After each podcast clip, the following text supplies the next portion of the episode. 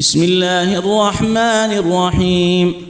قل يا أيها الكافرون لا أعبد ما تعبدون ولا أنتم عابدون ما أعبد ولا أنا عابد ما عبدتم.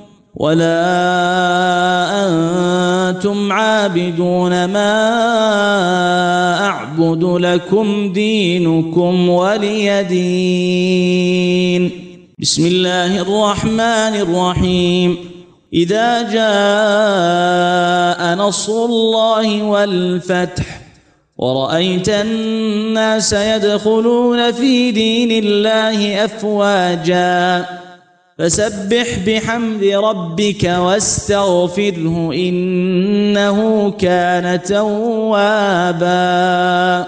بسم الله الرحمن الرحيم. تبت يدا أبي لهب وتب. ما أغنى عنه ماله وما كسب. سيصلى نارا ذات لهب. وامرأته حمالة الحطب في جيدها حبل من مسد اللهم لك الحمد إنك كنت سميعا بصيرا. وصل اللهم وسلم على من أرسلته بشيرا نذيرا. وعلى آله وصحبه وسلم تسليما كثيرا. أما بعد فبين أيدينا في هذا المجلس تفسير سورة الكافرون وتفسير سورة النصر وسورة المسد. أما سورة الكافرون وتسمى سورة الكافرين فمن أسمائها قل يا أيها الكافرون ومن أسمائها المقشقشة كما جاء ذلك عن بعض السلف رواه ابن أبي حاتم عن زرارة بن أوفى كما في الدر المنثور والإتقان وكلاهما للسيوطي. وذكره الأصمعي. ومعنى ذلك أنها مبرئة من النفاق ويقشقش الشيء أي يبرئه كما يقشقش المريض أي يبرأ جلده ويقشقش الهناء الجرب أي يبرئه ويذهبه بإذن الله.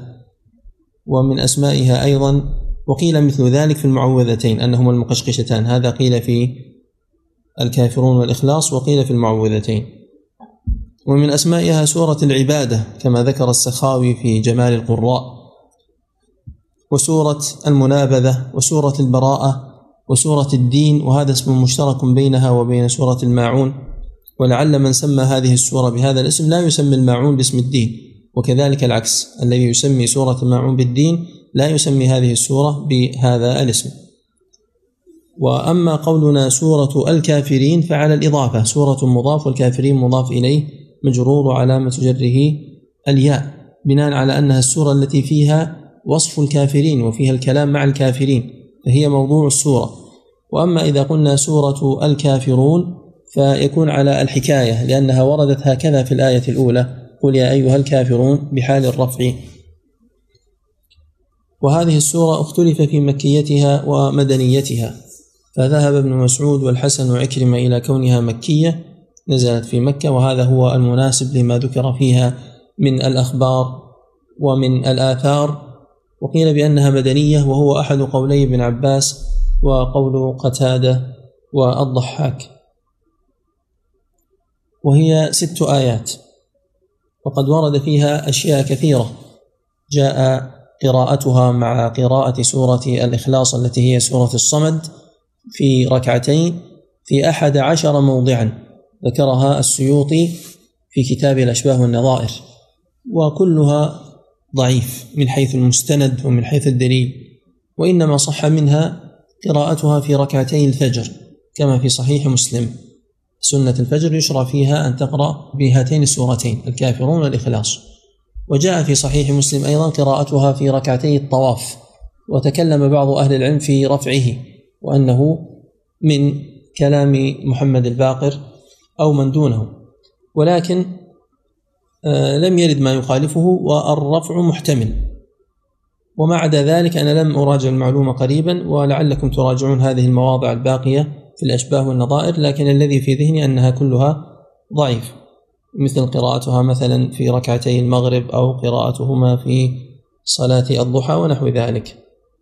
مما ورد فيها أيضا قراءتها عند النوم قد وقد جاء ذلك في حديث نوفل الأشجعي أبو فروة وأبو عبد الرحمن أظن يعني هناك شخص آخر أيضا روى هذا الحديث معه.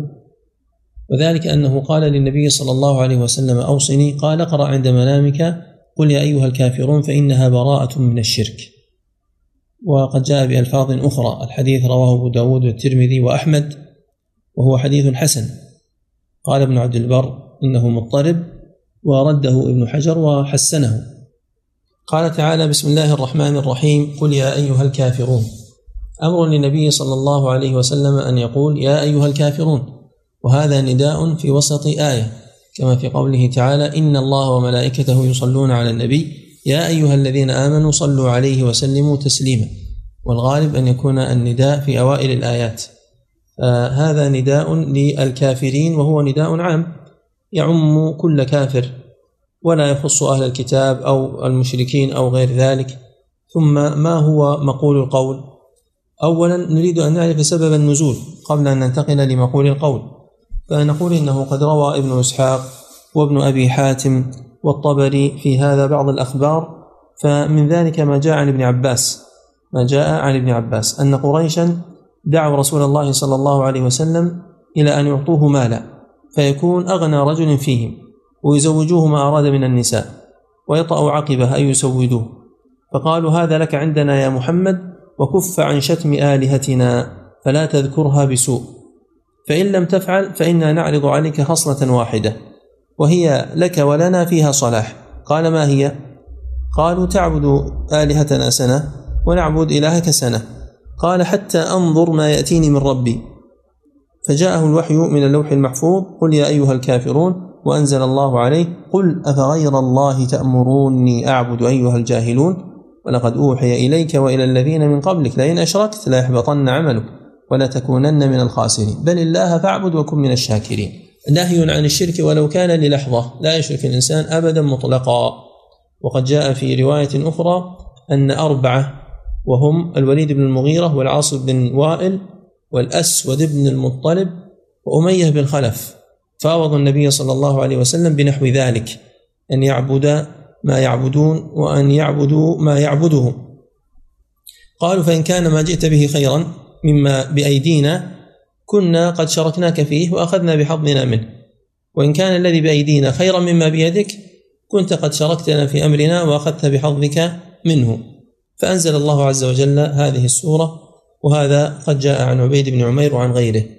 وفي قوله حتى أنظر ما يأتيني من ربي هذا الكلام يقوله لدفع الظالمين بالتي هي أحسن ليجعل حجته أقوى وليعلم أن الجواب ليس من تلقاء نفسه وإنما هو رسول من الله وأن هذا الجواب قد جاءه بوحي فلا سبيل إلى تغييره ولا إلى مراجعة ربنا فيه. وهذا مثل ما لو خطب رجل ابنة رجل فقال الأب حتى أشاور أمها وهو يريد أن لا يزوجها. قد بيت النية على ذلك ولكنه يرد بهذا الرد حتى يكون ألطف معه ومثل ذلك كثير. إذا ليس في هذا الجواب تردد أو تجويز أنه سيشرك أو أن هذا أمر محتمل ولكن هم أرادوا أنصاف الحلول. إن كان محمد مصر على دعوته ولا يريد أن يتنازل وقد فعل ما فعل فلعل هذه الطريقة تكون صلحا بيننا وبينه. فهو بين لهم أن هذا الصلح لا محل له عنده أنه غير مقبول لأنه صلح يبطل التوحيد. الصلح على الشرك يبطل التوحيد لأن من شروط صحة التوحيد السلامة والإخلاص. ولذلك قال تعالى له بصراحة قل يا أيها الكافرون وجه لهم الرد والخطاب.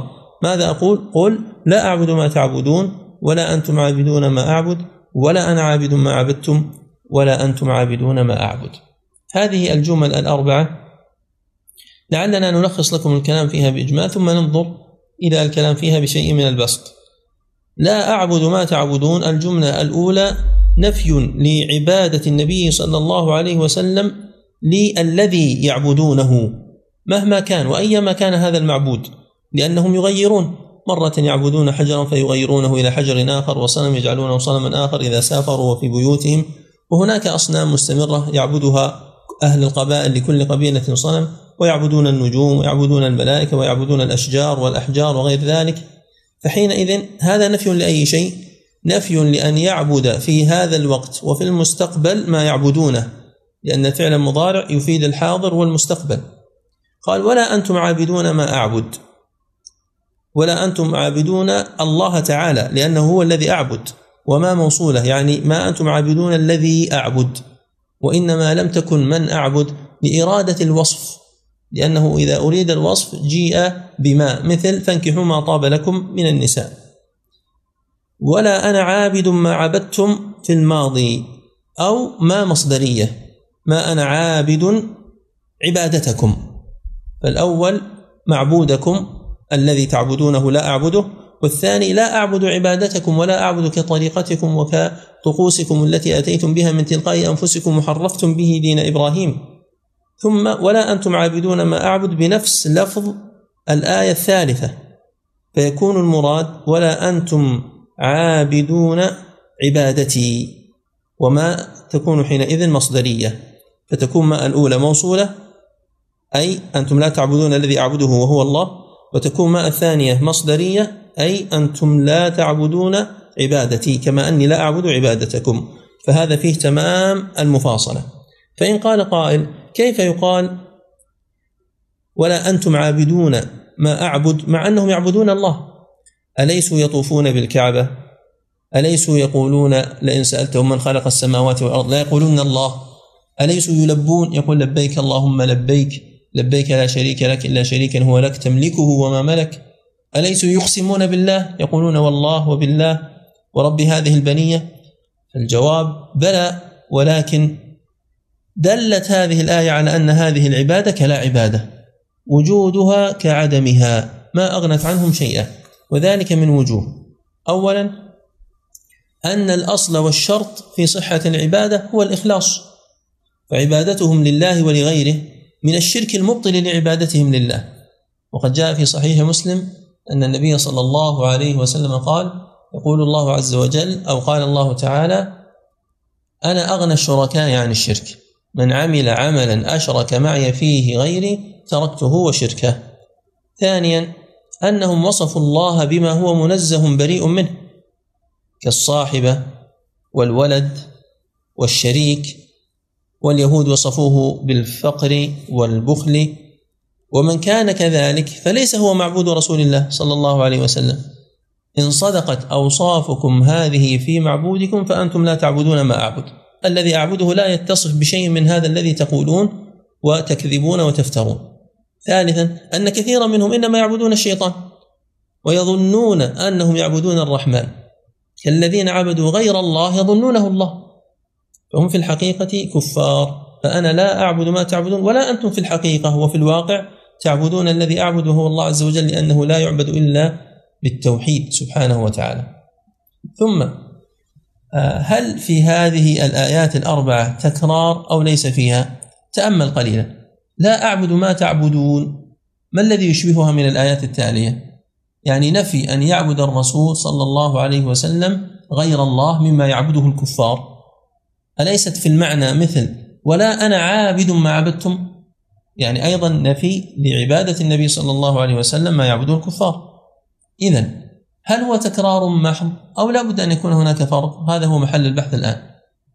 وأما ولا أنتم عابدون ما أعبد فقد تكررت بلفظها. هي الآية الثالثة وهي الآية الخامسة. ولذلك قال جمع من أهل العلم إن هذا من أسلوب العرب لأن القرآن نزل بلسانهم ومن مذهبهم التكرار لإرادة التأكيد والإفهام وأن من مذهبهم الاختصار والإيجاز وأطنبوا في ذكر شواهد العرب في ذلك ومما يذكر هنا لكثرة ما فيه من التكرار توكيدا قول القائل فكم كم وكم كم ثم كم كم وكم كم قطعت الفيافي والمهامه لم أمل قطعت الفيافي والمهامها لم أمل يعني الصحاري يعني أنني كثيرا ما قطعتها. وحينئذ قالوا إن المراد بهذا التوكيد الآيتين الأولتين أكدت بما بعده. وأما الآيتين الثانية والرابعة لا أعبد ما تعبدون ولا أنا عابد ما عبدتم فهو توكيد في المعنى لأن المعنى واحد. والآيتين الأخريين توكيد في اللفظ. وهذا ما ذهب إليه الفر وابن قتيبة فيما أذكر الآن ومال له الشوكاني ونصره لكن رده بشدة أبو العباس بن تيمية. قال إنه لا يوجد مثل هذا في القرآن وهذا وإن ساغ في لغة العرب. وإن وجد في كلام نبي وإن وجد في كلام البشر لكن لا يمكن أن يكون هذا موجودا في القرآن وأطنب في إظهار الفرق بين هذه الآيات. القول الثاني هو أن هناك فرقا فيكون لا أعبد ما تعبدون أي في الحال والاستقبال ولا أنتم عابدون ما أعبد في الحال وفي المستقبل ولا أنا عابد ما عبدتم في الماضي إخبار عما سبق كما أنكم لستم عابدون كما أنكم لستم بعابدين ما أعبد في الماضي. فتكون الآيتين الأوليين للحال والاستقبال والآيتين الأخريين للماضي. وقيل بالعكس. قيل بالعكس. لكن العكس يشكل عليه أن قوله لا أعبد ما تعبدون فعل مضارع. آه، أن قوله لا أعبد ما تعبدون تعبدون فعل مضارع. فكيف يعبر بالفعل المضارع عن الزمن الماضي؟ والوجه الآخر في الفرق هو ما سبق. أن تكون ما الأولى موصولة وما الثانية مصدرية. ففي الأول ما يتعلق بالمعبود في الآيتين الأوليين الأوليين. في الآيتين الأوليين نفي اتحاد المعبود وفي الآيتين الأخيرتين نفي اتحاد العبادة وكيفية العبادة. لا أعبد الذي تعبدون ولا أنتم عابدون الذي أعبده ولا أنا عابد عبادتكم. ولا أنتم عابدون عبادتي. فيكون فيه تكرار لبيان تمام وكمال المفاصلة. فلا أنتم مشتركون معي ولا أنا مشترك معكم ولا يمكن أن تعبدوا إلهي سنة ولا أقل من ذلك وأنا لست بفاعل ذلك. قول الرابع ذهب أبو العباس إلى أن الأقوى هو ذكر أن الأقوى حملة على الحال والاستقبال أن هذا أقوى من التوكيد. هذا ذكره. لا أعبد ما تعبدون يكون على الحال والاستقبال ولا أنا عبد ما عبدتم يكون على المضي. ولكن قال أن الأول لنفي الفعل والثاني لنفي قبول الفعل وأنه لا ينبغي له ذلك ولا يسوغ منه ذلك. في قوله ولا أنا عابد ما عبدتم. كما أني نفيت الفعل فقلت لا أعبد ما تعبدون كذلك نفيت أن يكون ذلك يمكن أن يحصل مني يوما من الدهر في قوله ولا أنا عابد ما عبدتم. كما سماه ابن كثير نفي شرعي عندما اختصر كلام ابن تيمية في سطرين أو ثلاثة. وأنت تجده في أكثر من ستين صفحة في مجموع الفتاوى في الجزء السادس عشر كلها في هذا الموضوع وما يدور حوله. وقال بعض أهل العلم إنه نفي شرعي ونفي قدري. يعني كلام ابن تيمية فيه نفي شرعي. يعني لا يصح مني ولا يجوز لي أن أعبد آلهتكم ولا أنا عابد ما عبدتم في المستقبل. هذا النفي القدري. يعني لا أقدرني الله ولا مكنني من ذلك. يعني أن أتنازل يوما من الدهر عن دين. طيب. ومن الفوائد المتعلقة بذلك أن هذه الآية الأولى فيها دلالة على قرب النبي صلى الله عليه وسلم من الله وبعد الكفار منه. فالله يخاطبه مباشرة قل. ولا يخاطبهم إنما يخاطبهم بواسطته. لم يقل يا أيها الكافرون. ولكن قد يقول قائل إن هذه الفائدة متعلقة بهذه السورة فقط وإلا فقد وجد في القرآن يا أيها الذين كفروا مرة واحدة فقط من يعرف في أي سورة؟ خطاب مباشر للكفار يا أيها الذين كفروا في أي سورة؟ نعم. ما تعرفون يا أيها الذين كفروا في أي سورة؟ التحريم شيخنا نعم في سورة التحريم. كلهم نايمين يا أبو مالك. في سورة التحريم يا أيها الذين كفروا لا تعتذروا اليوم إنما تجزون ما كنتم تعملون.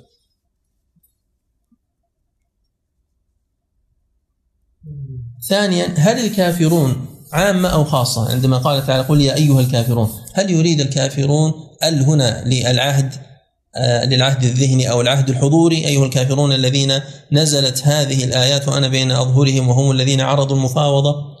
أو قل يا أيها الكافرون أنتم ابتداء وكل كافر عموما داخل فيها. ذهب أبو العباس بن تيمية للعموم وأيد ذلك بصفحات كثيرة وأن الإنسان يقرأ هذه السورة في المدينة ويقرأها قبل النوم ويقرأها في كل حال فكيف يراد كافر معين؟ ولكن ذهب بعض مشايخنا إلى أنه للخصوص وهو ما ذهب إليه جمع من السلف أيضا لكنه دلل على ذلك بما هو أوضح لذلك أشرت إليه. وإلا فقد نص الطبري على كونه للخصوص والمهدوي وابن عطية والقرطبي وغيرهم من العلماء. والأدلة التي ذكر على ذلك منها أولا أن من الكفار من لا يعبد شيئا فكيف يقال قل يا أيها الكافرون لا أعبد ما تعبدون. هذا في الكافر الذي يعبد غير الله وإلا الكافر الذي يجحد وجود الله والكافر الملحد والكافر وما أكثرهم في هذا الزمان فإنهم أيضا داخلون في هذه الآية. فلا معنى لإخراجهم فلا معنى ليش للقول بإدخالهم مع كونها خاصة في هؤلاء.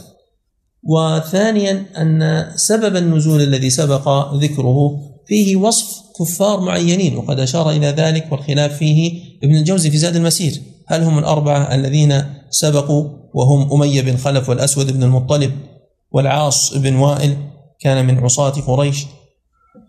والوليد بن المغيرة ولم يدرك من عصاة قريش أحد الإسلام فيسلم إلا مطيع الذي هو والد عبد الله بن مطيع كما في صحيح مسلم. المهم ومنهم من قال أيضا آه، أبو جهل ومنهم من قال غير ذلك من كفار قريش. فحينئذ يكون يا أيها الكافرون المعينون الذين أتيتم بهذا العرض وبهذا الصلح الذي أردتم الذي أردتم مني لكم هذا الكلام من المفاصلة. لذلك لم يسلموا. ولا أنا عابد ما عبدتم. إذا قلنا في المستقبل قد يعبدون الله أليس كذلك؟ فهذا دل على أنهم لن يعبدوا الله وأنهم يموتون على كفرهم. ثالثا أن الله تعالى لم يذكر أدلة الوحدانية وإنما من الفوائد أيضا المتعلقة بهذه السورة أن الله عز وجل لم يذكر كما في السور الأخرى أدلة من الكون أو أدلة مثلا من أنفسهم أو أدلة من الأخبار السابقة أو غير ذلك على التوحيد وعلى البعث لماذا؟ لأن سياق السورة وموضوع السورة في بيان المفاصلة وفي بيان أن هؤلاء الذين عرضوا هذا هم يموتون على الكفر وأن الأدلة على التوحيد أظهر من أن تذكر في مثل هذا المقام وإنما لها مقام آخر. قال تعالى لكم دينكم ولي دين. هذه الآية فيها معنيان. المعنى الأول لكم ملتكم ودينكم واعتقادكم وعبادتكم وهو الكفر ولي دين الذي هو الإسلام. ويكون هذا من أسلوب التهديد والوعيد لا من أسلوب الإقرار على الكفر والشرك الذي هم فيه. كما قال تعالى لنا أعمالنا ولكم أعمالكم لا حجة بيننا وبينكم. الله يجمع بيننا. ونحو ذلك أيضا في سورة القصص وغيره. طيب. والوجه الثاني أن يكون المراد بالدين الجزاء والحساب. الجزاء والحساب. لكم جزاؤكم ولكم عملكم ولي دين. وقال بعض أهل العلم بأن هذه الآية منسوخة وبعضهم قال السورة كلها منسوخة. لماذا؟ لمنافاتها الجهاد في ظنهم. وأن هذا كان في أول الإسلام عندما كان الإسلام قليل العدد ضعيف العدة ثم بعد ذلك عندما جاء الجهاد خلاص انتسخ العمل بهذه الآية ولا يقال لكم دينكم ولي دين وإنما الدين واحد وهو الإسلام. دخلتم وإلا جاهدناكم. وهذا الكلام ليس بصحيح. أولا لأنه خبر وليس حكما وثانيا لأنها بمعنى البراءة وهذا لا ينافي الجهاد. فنحن متبرئون من دينكم وأنتم براء من ديننا ولو جاء الجهاد وإنما الجهاد حكم مستقل. ويبدو أن ابن الجوزي مل في زاد المسير من تعقب من ينسخون بآية السيف. فلما جاء عند هذه الآية ذكره دون مناقشة ولا إشارة ولم يراجع نواسخ القرآن لأن من عادته أيضا أن يستدرك هناك على من يقول بالنسخ تلاحظ تقديم الجار والمجرور الذي هو الخبر في الجملتين جميعا لكم دينكم ولي دين. وهذا يفيد ماذا؟ يفيد الحصر. يعني دينكم لكم أنتم فقط. لست شريكا لكم فيه ولن أكون على دينكم ساعة من الدهر فضلا عن سنة. ولي دين الذي هو خاص بي ومن أراد أن يدخل فيه فحياه الله. ثم لي دين ولي دين قراءتان. فتح نافع والبزي عن ابن كثير وهشام عن ابن عامر وحفص عن عاصم وقرأ الباقون ولي دين بالسكون. وأيضا دين وديني فيها قراءتان. ولكن الأشهر والأكثر من القراء قرأوا بالكسر. ولي دين يعني إشارة إلى الياء المحذوفة تخفيفا وهي ديني. وهذه الياء في محل جر مضاف إليه. قال ابن الدورقي اجتمع الكسائي واليزيدي عند الرشيد وهؤلاء من أئمة النحو في ذلك الزمان. وأيضا من القراء. فحضرت صلاة يجهر فيها فقدموا الكسائي يصلي. فأرتج عليه في قراءة قل يا أيها الكافرون. فلما أن سلم قال اليزيدي قارئ الكوفة يرتج عليه في قل يا أيها الكافرون. فحضرت صلاة يجهر فيها. فقدموا اليزيدي فأرتج عليه في سورة الحمد. فلما أن سلم قال احفظ لسانك أن تقول فتبتلى إن البلاء موكل بالمنطق. وهذا رواه الخطيب البغدادي في تاريخه. فلا تشمت من أي خطأ. ربما يأتي يوم من الأيام وتخطئ ما هو أشد من ذلك. وإنما احمد الله عز وجل على العافية وتمنى للمسلمين الخير. نختم بأمر وهو أن الحكم العقدي في هذه السورة واضح وهو الولاء والبراء. فالبراء من الكفر وأهله منطوق السورة والولاء لأهل الإيمان مفهومها. ويدخل في ذلك ما يتعلق بإبطال الدعوة للأديان الإبراهيمية أن تعبد جملة وتصحيح دين اليهود ودين النصارى ودين كل من يرجع إلى إبراهيم أو يعبد على طريقة أو يعبد الله عز وجل على طريقة من هذه الطرق نقول هذا هو الكفر بعينه.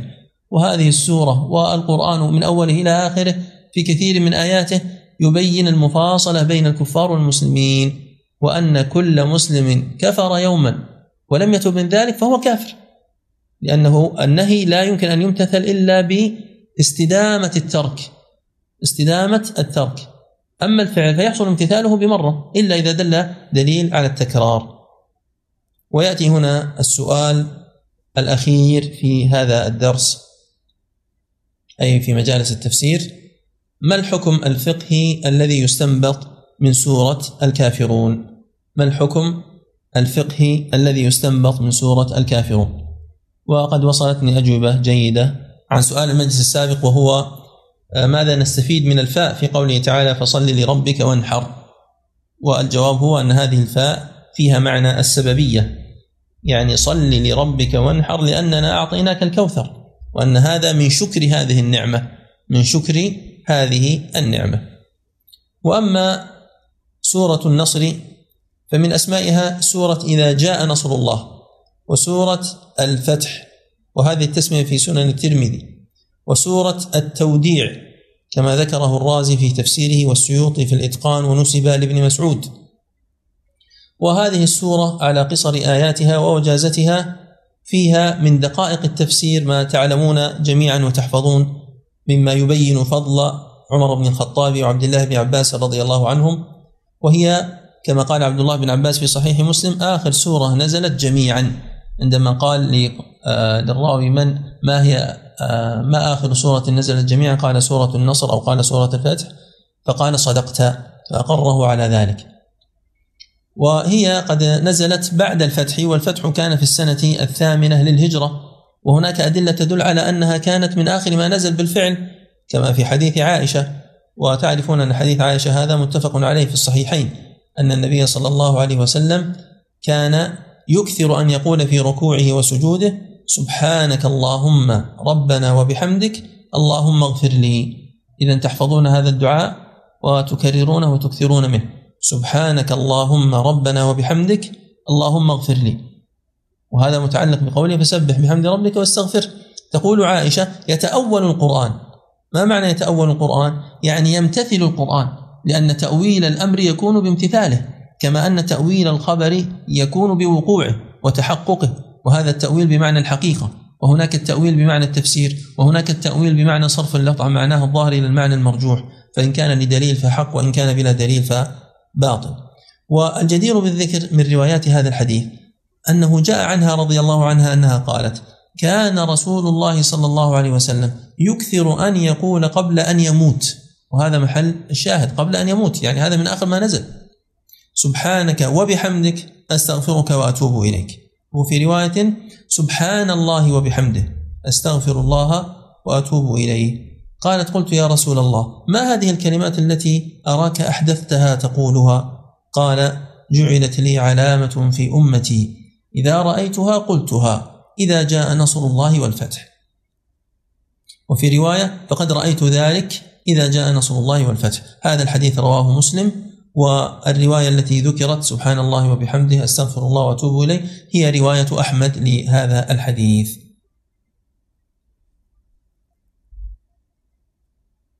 بسم الله الرحمن الرحيم إذا جاء نصر الله والفتح. إذا أتى العون منه سبحانه وتعالى والتأييد والظفر والإعلاء للنبي صلى الله عليه للنبي عليه الصلاة والسلام والفتح الذي هو فتح مكة فهذا كله متعلق بإذا وكذلك الآية الثانية كلها في فعل إذا.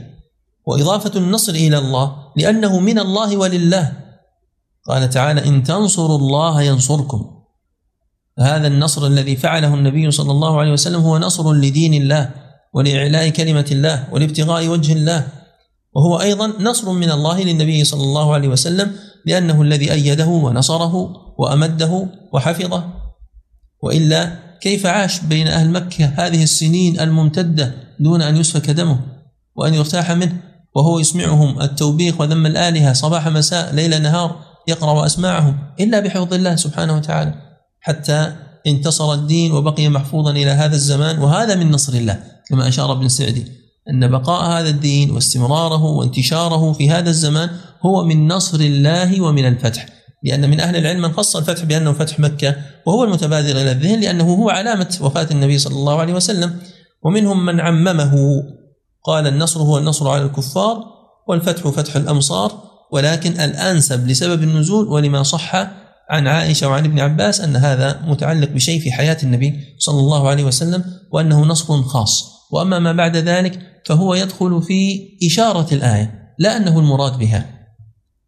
يعني أن من نصر الله ما حصل بلا شك ومن فتح الله ما حصل في عهد أول الإسلام ووسطه وآخره هذا لا شك فيه. قوله تعالى ورأيت الناس يدخلون في دين الله أفواجا. يعني وإذا رأيت وأبصرت بعينيك دخول الناس في الإسلام أمما وجماعات وطوائف وهذا الذي حصل خاصة بعد الهدنة وبعد صلح الحديبية وجد الناس فرصة للإسلام فكانوا يسلمون بالآلاف كما قال الزهري. ومنهم من خص ذلك بأهل اليمن وأنه قد أسلم منهم عدد كبير وأن النبي صلى الله عليه وسلم مدحهم وقال أتاكم أهل اليمن؟ هم أرق قلوبا. وقال الفقه يمان والحكمة يمانية. وقد أرسل إليهم صلى الله عليه وسلم معاذ بن جبل وأبو موسى الأشعري وأبا موسى الأشعري وعلي بن أبي طالب رضي الله عنهم. ومعروف قصة إسلام همدان مع علي وأن النبي صلى الله عليه وسلم سجد لله شكرا عندما علم بذلك. ولكن الجدير بالذكر أن ما جاء في مسند الإمام أحمد أن النبي صلى الله عليه وسلم قال إن الناس دخلوا في دين الله أفواجا وسيخرجون من دين الله أفواجا. هذا حديث ضعيف لإبهام الراوي عن جابر عن جار لجابر بن عبد الله عنه وذكر الحديث وهذا مبهم فهو حديث ضعيف. ما المطلوب إذا كان ذلك؟ إذا جاء نصر الله وإذا جاء الفتح وإذا رأيت الناس يسلمون ماذا أفعل؟ ما المطلوب؟ قال فسبح بحمد ربك واستغفر. إنه كان توابا. في المراد بالتسبيح قولان القول الأول الإكثار من النوافل لأن نافلة الصلاة تسمى سبحة فالمراد صلي وأكثر من الصلاة. وهذا قد جاء عن ابن عباس فيما ذكره الماوردي والقرطبي وغيرهما وابن الجوزي في زاد المسير. والقول الثاني أن المراد بذلك التسبيح باللسان الذي هو تنزيه الله عز وجل وذلك يكون في الصلاة وخارج الصلاة. ولذلك كان النبي صلى الله عليه وسلم يكثر من التسبيح والاستغفار على الصيغة التي سبقت في ركوعه وسجوده. هذا من امتثال الأمر. جاء في صحيح البخاري أن عمر بن الخطاب رضي الله عنه كان يدني عبد الله بن عباس ويجلسه مع المشيخة ومع الكبار ومع أهل بدر. في يوم من الأيام قال أحدهم في بعض الروايات كما عند الترمذي أنه عبد الرحمن بن عوف قال يعني إن لنا بنون مثل هذا فلماذا تأذن له وهو في سن أبنائنا؟ قال إنه من قد علمتم. ثم أذن له ذات يوم ليظهر فضله عليهم. فسألهم عن هذه السورة. فقالوا أمر الله عز وجل نبيه إذا فتح عليه أن يستغفر ويتوب وهذا هو الظاهر والتفسير بالظاهر صحيح. ولكن هو ما سألهم عن الظاهر وإنما سألهم عن وراء عما وراء ذلك وعن فقه هذه السورة وعن أسرارها. فلما سأل ابن عباس قال ما تقول يا ابن عباس؟ قال أخبر الله عز وجل نبيه بحضور أجله. قال لا أعلم منها إلا ما تعلم. واستغفره أن يطلب المغفرة.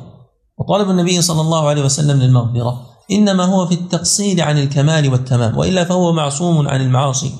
وإن قيل بأن النبي يقع منه الصغائر فيكون الاستغفار من هذه الصغائر لأنه لا يصر على صغيرة كما يصر سائر البشر. إنه كان توابا أي كثير التوبة. يوفق الإنسان لأن يتوب ويقبل منه التوبة. يقدر ويوفق ويقبل سبحانه وتعالى التوبة فهو تواب أي كثير التوبة. وفي هذا إشارة إلى كثرة الذنوب. وفيه مشروعية التفرغ للعبادة لمن يتقدم به العمر. وأن يختم حياته بالتسبيح والاستغفار والذكر عموما. وكذلك كثير من العبادات تختم بالاستغفار كما سبق معنا في الحج وفي المزمن في قيام الليل وفي الصلوات المفروضة وغير ذلك. فكذلك الحياة. ولا يخفى على ذي لب أن الموت يأتي بغتة. وقد يموت الإنسان وهو شاب أو وهي شابة. ولكن من يعمر منكم فلا ينسى هذا. ولا يتمادى به الأمل. أنفقوا مما رزقناكم وأنفقوا مما رزقناكم من قبل أن يأتي أحدكم الموت فيقول رب لولا أخرتني إلى أجل قريب فأصدق وأكن من الصالحين. ولن يؤخر الله نفسا إذا جاء أجلها. والله خبير بما تعملون. يا من بدنياه اشتغل وغره طول الأمل. الموت يأتي بغتة والقبر صندوق العمل. إني أرى لك أن تكون من الفناء على وجل. أما سورة المسد فمن أسمائها سورة تبت وهي أول كلمة فيها ومنهم من سماها سورة اللهب ومنهم من سماها بغير ذلك من الأسماء. وهذه السورة مكية بالإجماع وهي خمس آيات. قال ربنا سبحانه وتعالى بسم الله الرحمن الرحيم. تبت يدا أبي لهب وتب. هذه الآية تحتمل أمرين. الأول أن تكون الجملة الأولى تبت يدا أبي لهب دعاء والجملة الثانية خبر. كما جاء في قراءة ابن مسعود تبت يدا أبي لهب وقد تب. يعني حصل له التباب والخسار والخيبة. الوجه الثاني أن يكون هذا إخبار في الجملتين جميعا. الأول إخبار عن تباب يدي أبي لهب والثانية إخبار عن تبابه هو كله. فتكون الأولى إخبار عن تباب عمله. تبت يدا أبي لهب أي تب عمله. وذلك أنه إذا عبر بجزء من الإنسان فإن هذا الجزء لا بد أن يكون له امتياز. فإذا أريد مثلا إعتاق مملوك فيقال أعتق رقبة لأنه لا يحيا إلا بها. وإذا أريد الإخبار عن جاسوس فإنه يقال عين لأن أهم ما في الجاسوس عينه. وإذا أريد الإخبار عن عامل إنسان عنده عمل وكدح وكسب فيقال يد تبت يدا أبي لهب وتب لأنه غالبا يكدح ويكسب ويكسب بيده كما هو حال سائر الناس. كما قال تعالى بما قدمت يداك يعني بما قدمته وبما قدمت نفسك وأبو لهب هو عم النبي صلى الله عليه وسلم عبد العزى بن عبد المطلب بن هاشم بن عبد مناف. وقد جاء في صحيح مسلم عن ابن عباس أنه لما نزل قوله تعالى وأنذر عشيرتك الأقربين ورهطك منهم المخلصين. ظاهرها أنها قراءة كما قال النووي قراءة ابن عباس. خرج رسول الله صلى الله عليه وسلم حتى صعد الصفا فهتف يا صباحا فقالوا من هذا الذي يهتف؟ قالوا محمد فاجتمعوا إليه. قال يا بني فلان يا بني فلان يا بني عبد مناف يا بني عبد المطلب فلما اجتمعوا قال أرأيتكم لو أخبرتكم أن خيلا تخرج من وراء هذا الجبل أكنتم مصدقية؟ قالوا ما عهدنا عليك كذبا. قال فإني نذير لكم بين يدي عذاب شديد. فقام أبو لهب وجعل ينفض ثوبه ويقول تبا لك وفي رواية تبا لك سائر اليوم. ألهذا جمعتنا؟ فتلاحظون أن هذا الرجل وهو أبو لهب ما خص بالذكر هو وامرأته إلا أنه بلغ مبلغا عظيما في الكفر. فنحن نستدل بهذا وبوجود سورة كاملة في بيان مصيره أنه قد وصل من المواصيل ما لم يصل إليه غيره. فلم نجد مثلا أبا جهل قد سمي ولم نجد غيره من الطواغيت قد سمي فتسميته دليل على أنه اختص بأمر بالإضافة إلى إلى أنه كان المنتظر منه أن يكون إن لم يكن عونا أن يكون يخف وطأته وأذاه للنبي صلى الله عليه وسلم كما كان أبو طالب لأن كل منهما عم لزم للنبي صلى الله عليه وسلم. ولذلك ذكر أبو العباس بن تيمية أنه لا يوجد سورة سمي فيها كافر يقصد أنه في حياته يعني الكافر حي إلا هذه السورة. نعم. أنه لم يصرح في القرآن باسم كافر يمشي على الأرض عند نزول الآيات غير أبي لهب وامرأته. طيب. تبت يدا أبي لهب وتب.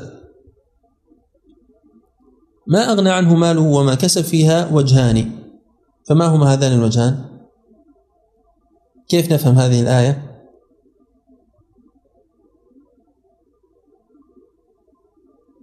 طيب قبل أن نتجاوز لم يغني عنه شيء يعني. ها؟ المال الذي معه والسلطان وكذا ذكر لن يغنيه يوم القيامة. طيب. أولا كلمة تب ما فصلنا فيها جيدا. نقول إن تب مثل ما ذكرنا بمعنى الخيبة والخسار والهلاك ونحو ذلك من المعاني. وأبو لهب عرفنا اسمه. لكن لماذا جاءت هذه الآية بالكنية؟ العرب إنما تعدل من الاسم إلى الكنية للتعظيم. فهل هناك مناسبة أخرى هي المرادة هنا؟ لأنه قطعا ليس المراد التعظيم. نقول نعم هنا عدل لمناسبة أخرى. ذكر العلماء فيها عدة أقوال. أولها ملاحظة المعنى الأصلي وهو اللهب حقيقة. فهو أبو لهب أي ملازم للهب حقيقة. وهذا المعنى لا يستفاد من تبت يدا عبد العزى وتب. فالإنسان إذا لازم شيئا يقال أبو فلان. أبو فلان يعني بصفته أبو البخل وأبو الجبن وأبو الحسنات ها؟ كما أن الحيوانات أيضا لهم ألقاب تناسبها.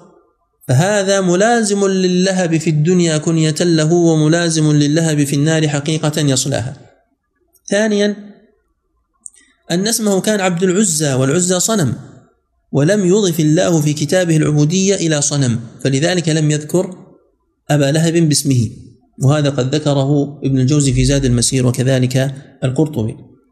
ثالثا أنه كان مشهورا بكنيته وأنها غلبت على اسمه. وأما القول بأن الاسم أشرف من الكنية فهذا فيه نظر. فيكفينا هذه الأجوبة الثلاثة. وأنا قلت القرطبي قبله ابن العربي لأن القرطبي إنما نقل هذا الكلام من ابن العربي. ولماذا كانوا يكنونه أبا لهب؟ قيل إما لغضبه وانفعاله لأنه مثل اللهب في الطيش وقيل لحسن وجهه وجماله. قال طارق بن عبد الله المحاربي إني بسوق ذي المجاز إذا طبعا سوق ذي المجاز كان في مثل هذه الأيام يعني قبيل موسم الحج إلى اليوم الثامن. من أول ذي الحجة إلى اليوم الثامن سوق ذي المجاز وهو قريب من عرفة عند آه، يعني قريب ليس قريب من عرفة تماما إنما زرته ما زالت آثاره موجودة محاطة بسياج في مكة. وكان السوق الذي قبله هو سوق مجنة. وكان السوق الذي قبله هو سوق عكاظ. عكاظ في ذي القعدة في الطائف من أول ذي القعدة ثم في النصف الثاني من ذي القعدة يكون مجنة ثم قبيل الحج يكونون في مجاز يقتربون من أماكن المناسك. المهم يقول هذا الصحابي الجليل طارق بن عبد الله المحاربي إني إني بسوق ذي المجاز. إذا بإنسان يقول يا أيها الناس قولوا لا إله إلا الله تفلحوا. وإذا رجل خلفه يرميه قد أدمى ساقيه وعرقوبيه يقول يا أيها الناس إنه كذاب فلا تصدقوه. فقلت من هذا؟ قالوا محمد يزعم أنه نبي. وهذا عمه أبو لهب يزعم أنه كذاب. يعني انظر إلى أي درجة وصلت الأذية والملاحقة. وين الحرية الرأي؟ وين القول الآخر؟ اتركوه في شأنه. قال إذا ما اقتنع الناس بقوله دل ذلك على أنه كما تقول مجنون أو ساحر أو غير ذلك. ثم تلاحظ أيضا أن السورة ليس فيها تكليف بالمحال لأن أبا لهب لم يخاطب بأن يؤمن بأنه لن يؤمن. وإنما أخبر الله عز وجل بهذه وإنما أظهر الله عز وجل ما كتب عليه في القدر. يعني كما سئل الحسن هل كان تبت يد أبي لهب في الكتاب؟ قال نعم. قيل هل كان أبو لهب يستطيع أن يسلم بعد ذلك؟ قال والله ما كان يستطيع. لماذا؟ لأن الله قد أظهر ما في القدر. ما كتب أنه لن يؤمن قد أظهره في هذه الآيات. فهو لن يؤمن ليس إجبارا وإنما بإرادته. كتب عليه الهلاك ختم على قلبه. ولذلك كانت أقوى فرصة للكفار ليثبتوا تكذيب النبي صلى الله عليه وسلم أن يأتي أبو لهب ويسلم هو وامرأته. يأتي ويسلم. يقول ها أنت قلت أنني لن أسلم وأنني سأصل النار أنا أسلمت الآن. لا يمكن أن يكون ذلك. كيف فاتت عليهم الفرصة؟ لأنه مكتوب كل شيء مقدر. فهذه من أدلة إثبات القدر. من أدلة إثبات القدر. وقد ناقش أبو العباس بن تيمية ما يتعلق بعدم تكليف المحال وربط بهذه السورة. ما أغنى عنه ماله وما كسب فيه وجهان. الوجه الأول أن ما هذه الأولى في قوله ما أغنى نافية يعني لم يغن عنه ماله. وما كسب تكون موصولة أو تكون مصدرية. لم يغن عنه ماله ولا كسبه لم يغن عنه ماله ولا الذي كسبه. الوجه الثاني أن تكون ما هذه استفهامية. ما الذي أغنى عنه ماله والذي كسب؟ ما الذي أغنى عنه ماله وكسبه؟ وكلها معان صحيحة. وما الذي كسب؟ الذي كسب طبعا المال انتهينا منه فلا يمكن أن يكون الكسب هو المال. وإنما الذي كسب قال بعض أهل العلم إنه ولده يعني لم يغن ولده عنه. وهل في هذا أن ولده مثله ومثل امرأته؟ الجواب لا وإنما إخبار عن وإنما هو إخبار عن عدم غنائهم ودفاعهم ونفعهم له.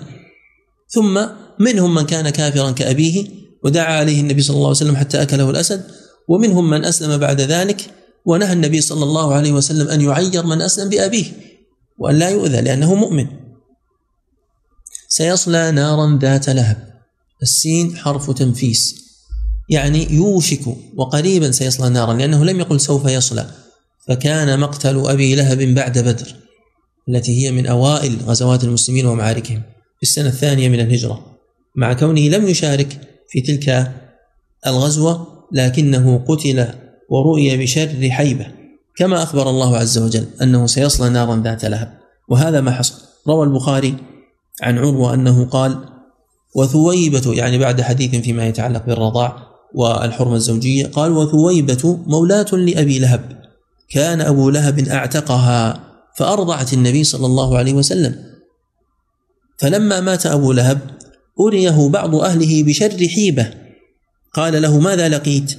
قال أبو لهب لم ألق بعدكم غير أني سقيت في هذه بعتاقة ثويبة. يعني شيء يسير جدا بسبب أنه أعتق ثويبة فرحا بالبشارة التي نقلتها له. أن النبي صلى الله عليه وسلم قد ولد ففرح بميلاد ابن أخيه وأعتقها. ولا يظلم ربك أحدا. ولذلك قال العراقي عندما عدد مرضعات النبي صلى الله عليه وسلم ثويبة وهي إلى أبي لهب اعتقها وإنه حين انقلب هلكا رؤي بشر حيبة هلكا رؤي بشر حيبة لكن سقي بعتقه ثويبة. فهو سيصلى هذه النار وهي نار جهنم وهي ذات لهب أي صاحبة تلهب وقوة والاصطلاء الدخول والاشتواء وامرأته حمالة الحطب. ما هو هذا العطف؟ يعني سيصلى هو وامرأته ستصلى. أيضا تلك النار التي ذات لهب. ثم وامرأته حمالة الحطب حمالة الحطب قراءتان. فقراءة الرفع مبتدأ وخبر. امرأته مبتدأ وحمالة خبر. وقراءة النصب وهذه القراءة انفرد بها عاصم. انفرد بها عاصم. بروايتي حفص وشعبة أبي بكر. وهي حمالة الحطب يكون الإعراب حينئذ منصوب لفعل محذوف. يقال منصوب على الذم وامرأته أذم حمالة الحطب.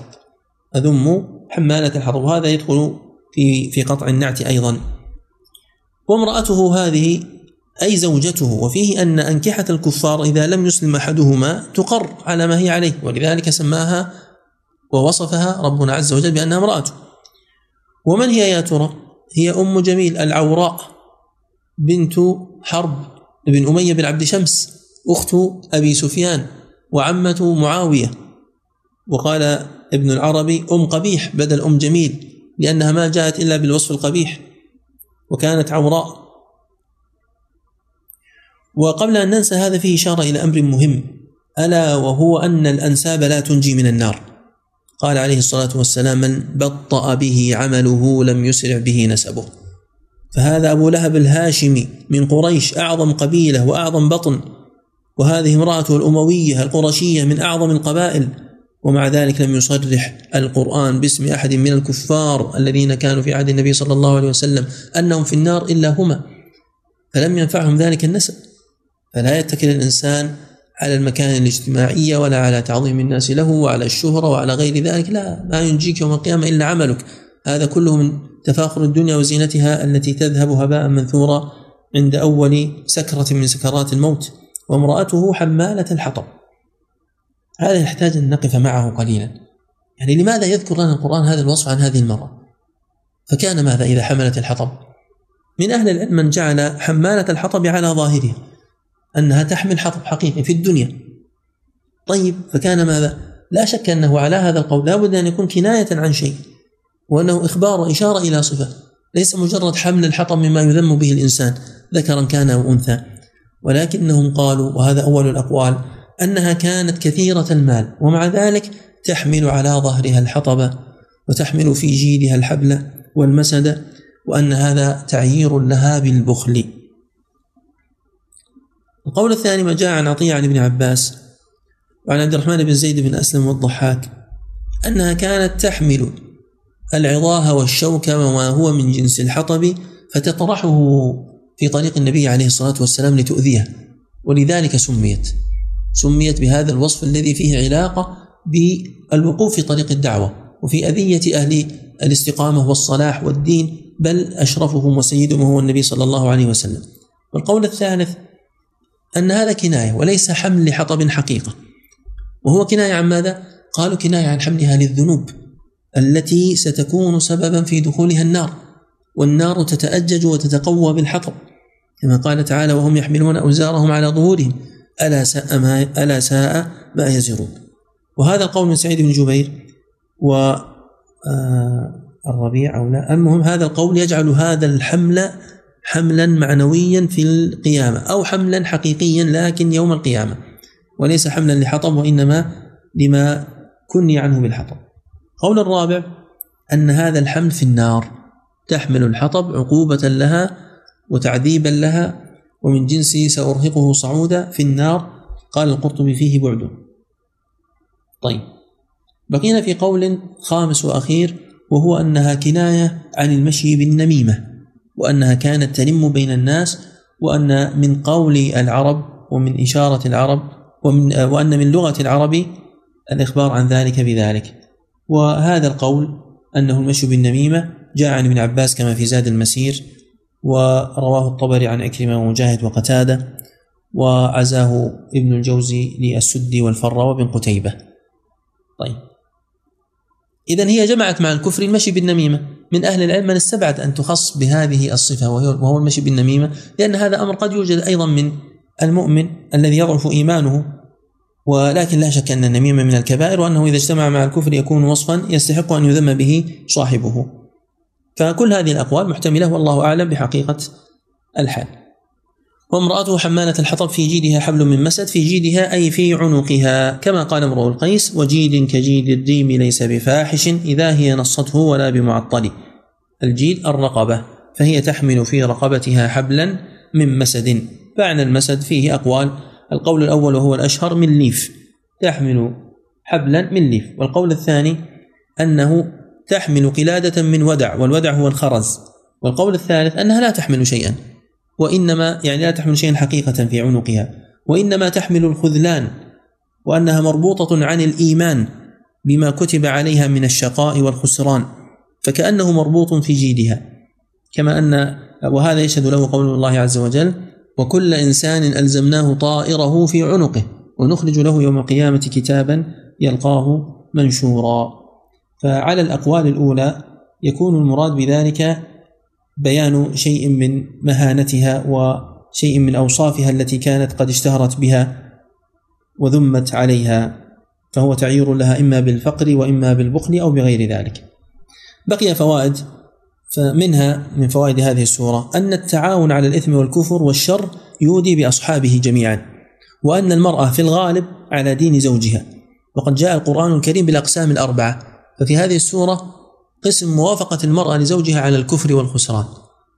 وفي سور كثيرة مثل سورة هود والذاريات موافقة المرأة لزوجها على الإيمان والإسلام كزوجة إبراهيم. وكذلك أمهات المؤمنين في سورة الأحزاب وأزواجه أمهاتهم وفي أثناء السورة.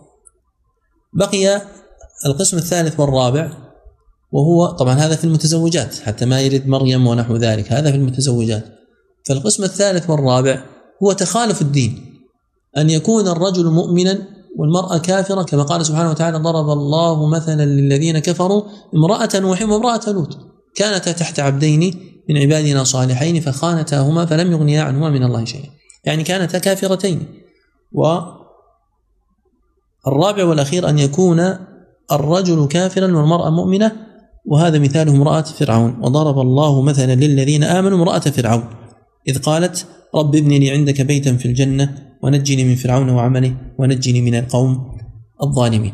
فعمل الزوج لا ينسحب على المرأة إذا هي خالفته. يعني بهذا الشرط. إذا هي خالفته فهي محاسبة على عملها خيرا كان أو شرا. أما إذا تابعته كما تابعت حمالة الحطب أبا لهب فالمصير واحد. أختم بما روى الطيوري في الطيوريات لأبي جعفر الطيوري وهو جمع أبي طاهر السلفي في الخبر الخامس والثمانين عن إسحاق بن إسماعيل الأنصاري شيخ من أهل الرقة قال رأيت في طريق مكة أعرابيا قلت يا أعرابي أمعك من كتاب الله شيء؟ قال لا إلا هذه القلاقيل وشتم أبي لهب. قال يعني بالقلاقيل قل هو الله أحد وقل أعوذ برب الفلق وقل أعوذ برب الناس وصلى الله وسلم على نبينا محمد وعلى آله وأصحابه أجمعين. في أحد لديه سؤال؟ شيخنا يصح الاستشهاد بالآية امرأة حملت عاطب على النهي عن النميم عند الناس؟ نعم لأن حمل الحطب كما سبق يكنى به عند العرب عن المشي بالنميمة. وأنه يعني يورد الاحتراق والتفرق والتشتت كذا. نعم هذا معنى صحيح. جزاكم الله خير. وإياك. آه طيب هذا اعتراض أنه كيف يكون الحطب في النار؟ نقول هذا الإيراد يرد على من يقول بأن في جيدها حبل مسد بأن في جيدها حبل من مسد إنما هو في النار. أما من قال إن هذه صفتها في الدنيا لا يرد عليه هذا. طيب. إذا صححنا أن هذا يكون في النار فنقول إن أحوال النار والآخرة تختلف عن أحوال الدنيا. يعني حبل الدنيا هو الذي يحترق بالنار. أما حبل في النار قد يكون من مسد من نار وقد يكون الله عز وجل يجددها لها. فلا تشغل ذهنك بالتفكير فيما في هذه الأشياء. وإن كان أهل العلم قد ذكروه من باب الرد عليه وبيان أن الله عز وجل على كل شيء قدير. نعم في حبذا تعظنا عن هذا اليوم يوم عرفة نقول بارك الله فيكم. اولا تعقيبا على سؤال الأمس وهو هل صام أحد من السلف يوم عرفة؟ فذكرت لكم أنه ذكرت لكم كتابيا أنه قد جاء صيامه عن جمع من السلف آه، وهم عائشة وابن الزبير وعثمان بن أبي العاص وأسامة بن زيد رضي الله عنهم ومن غير الصحابة قتادة وعطاء والحسن وممن كان يصوم العشر عموما محمد بن سيرين ومجاهد وعطاء فلا شك أن صيام هذا اليوم كما أنه ثابت في السنة فهو متأيد بفعل السلف. وبعض هؤلاء كان يصومه بعرفة وهو محل خلاف كبير بين أهل العلم ما بين محرم وكاره ومجوز. وإنما أخرج ابن سعد في الطبقات عن سعيد بن المسيب أنه عندما سئل عن ذلك ذكر أن ابن عمر لم يكن يصوم يوم عرفة. فقيل له وغيره قال حسبك الشيخ. حسبك الشيخ. وبغض النظر عن السبب الذي كان حاملا لابن عمر أن لا يصوم يوم عرفة وهل ذلك لأنه كان بعرفة أو لم يكن أو له عذر لم ينقل فيكفينا من كان يصومه ويكفينا ما ورد في السنة الصحيحة في ذلك. ولا شك أن يوم عرفة قد جاء فيه الفضل المعروف وأن أفضل الدعاء دعاء يوم عرفة وخير ما قلت أنا والنبيين من قبلي لا إله إلا الله وحده لا شريك له له الملك وله الحمد وهو على كل شيء قدير. فهذا من الفضائل وينبغي للإنسان أن يكثر لأن هذا اليوم داخل في عموم ما من أيام العمل الصالح فيهن خير أحب إلى الله من هذه العشر. فعليه أن يكثر من العمل الصالح ما استطاع من قراءة قرآن ودعاء وذكر وتكبير وصدقة يكثر مما يستطيع من الأعمال الصالحة. يرجو ثواب الله ولن يخيب الله أمله وما دام أغلب الناس لا يستطيعون الحج في مثل هذه الأزمنة فإنهم يستغلون هذا الزمان بالعمل الصالح وبالعمل الفاضل. نعم. في سؤال آخر؟ هذا وصلى الله وسلم على نبينا محمد وعلى آله وأصحابه أجمعين. تقبل الله منا ومنكم